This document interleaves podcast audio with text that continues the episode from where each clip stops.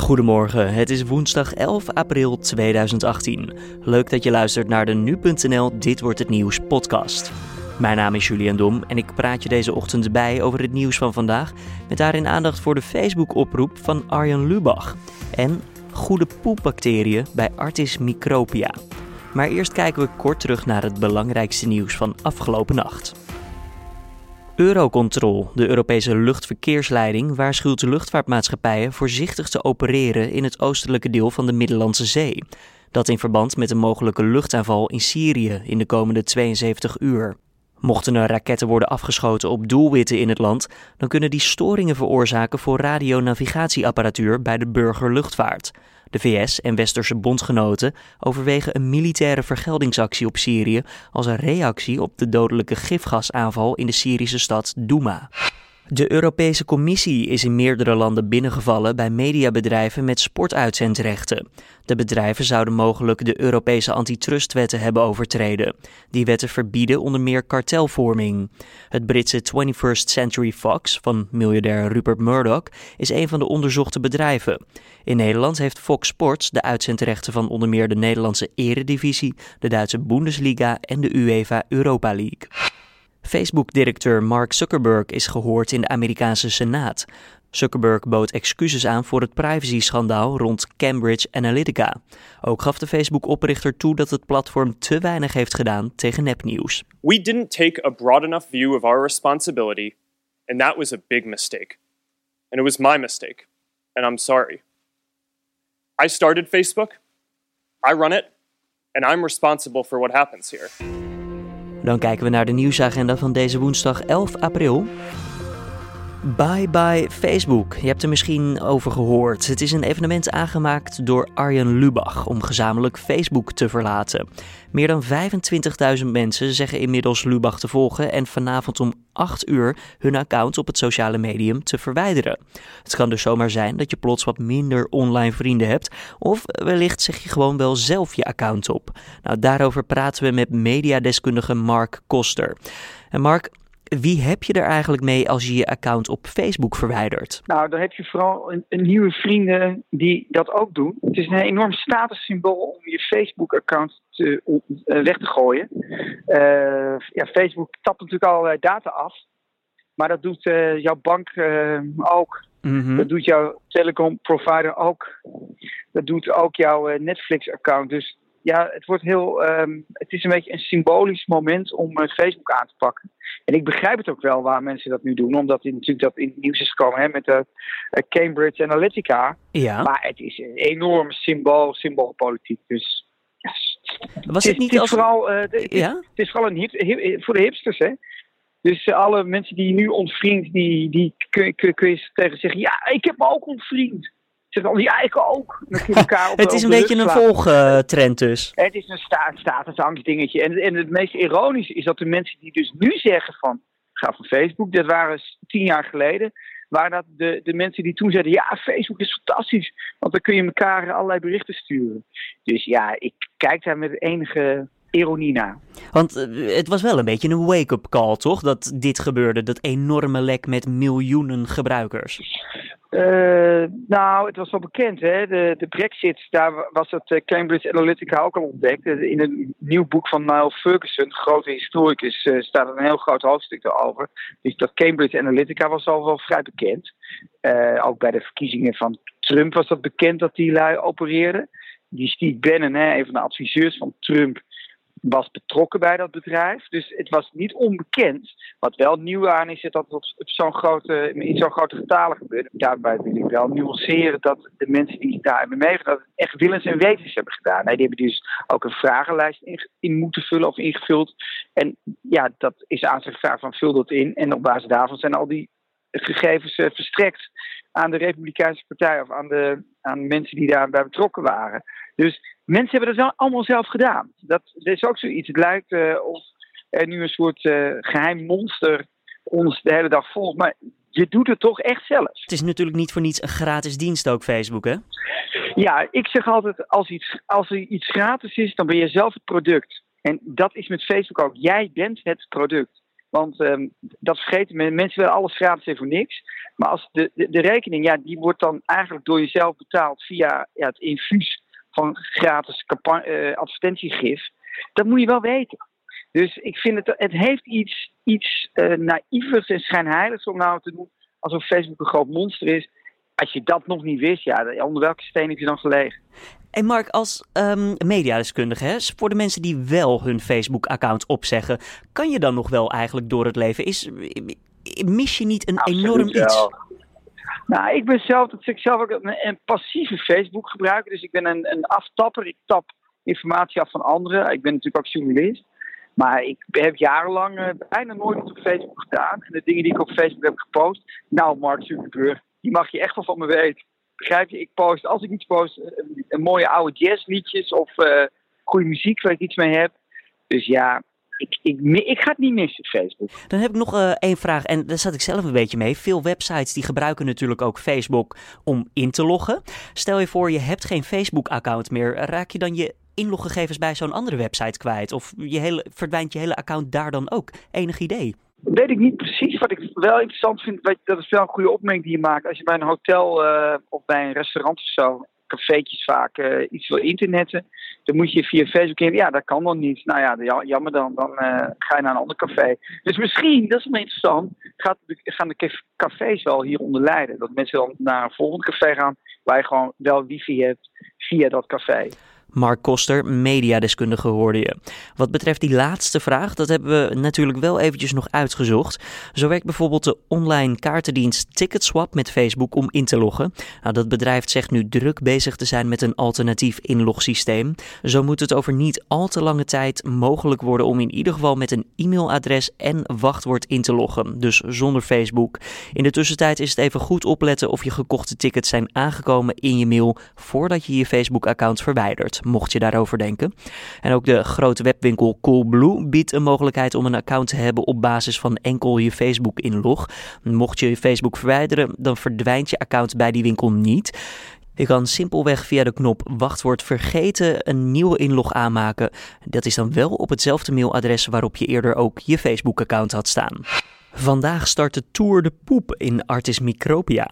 Verschillende experts laten zich vanmiddag in Amsterdam uit over het nut van poep, de onzichtbare wereld die er achter schuil gaat en poeptransplantatie. Maar voordat het zover is, gaan we eerst eventjes deze zaak kort bespreken in de podcast. Daarover praten we met bioloog Jasper Buiks van Micropia. Ja, Jasper, ehm, het nut van poep, ik zou zeggen opgelucht dat het eruit is, maar er is ongetwijfeld meer. Jazeker, dat, uh, dat heb je helemaal goed gezien. Um, um, er gaat eigenlijk een hele onzichtbare wereld schuil achter, uh, ja, achter die, die bruine berry die toch het meeste mensen toch het liefste door ja, het toilet weer zien vertrekken. Mm -hmm. um, want het zit, het zit vol met bacteriën. ongeveer de helft van wat je uitpoept uh, is helemaal geen verteerd voedsel, maar dat zijn echt bacteriën. Uh, en die zitten natuurlijk allemaal niet voor niks. Zijn dat dan goede bacteriën? Zoals we bijvoorbeeld van dat uh, ja, Yakult, uh, uit de Yakult reclame kennen. Van ja, dit zijn de bacteriën die je nodig hebt in je lichaam. Ja, precies. Dat, dat zijn inderdaad allemaal bacteriën die, die je bij je draagt. Eigenlijk al vanaf, vanaf je geboorte. Dus ook een beetje daarvoor al. Mm -hmm. maar die zijn allemaal heel belangrijk voor je. Die, die, die zijn belangrijk voor, voor, voor je gezondheid. Doordat ze, zoals veel mensen waarschijnlijk weten, um, je voedsel verteren bijvoorbeeld. Um, maar ze, ze ze produceren ook allerlei vitamine en hormonen. Uh, en daarmee houden ze bijvoorbeeld je darmen gezond. Um, en ze zijn uh, heel belangrijk voor het trainen van je immuunsysteem. Uh, zij laten um, eigenlijk jouw immuunsysteem weten van welke microben moet je wel aanvallen, namelijk die van buitenaf. En welke dus ook vooral niet, namelijk wij. Want wij zitten hier met reden. Ons moet je niet aanvallen. Want wij zijn belangrijk voor jou. En is dat dan ook dat je kan zien aan je ontlasting, stel je voor je kijkt even achterover, of het allemaal goed is? Ja, dat, dat, kijk, ik ben geen, uh, geen, geen arts of wat dan ook, of geen, geen, geen uh, darmspecialist. Maar je kunt inderdaad al wel vrij snel zien aan je, en voelen aan je, aan je ontlasting of er wat mis is.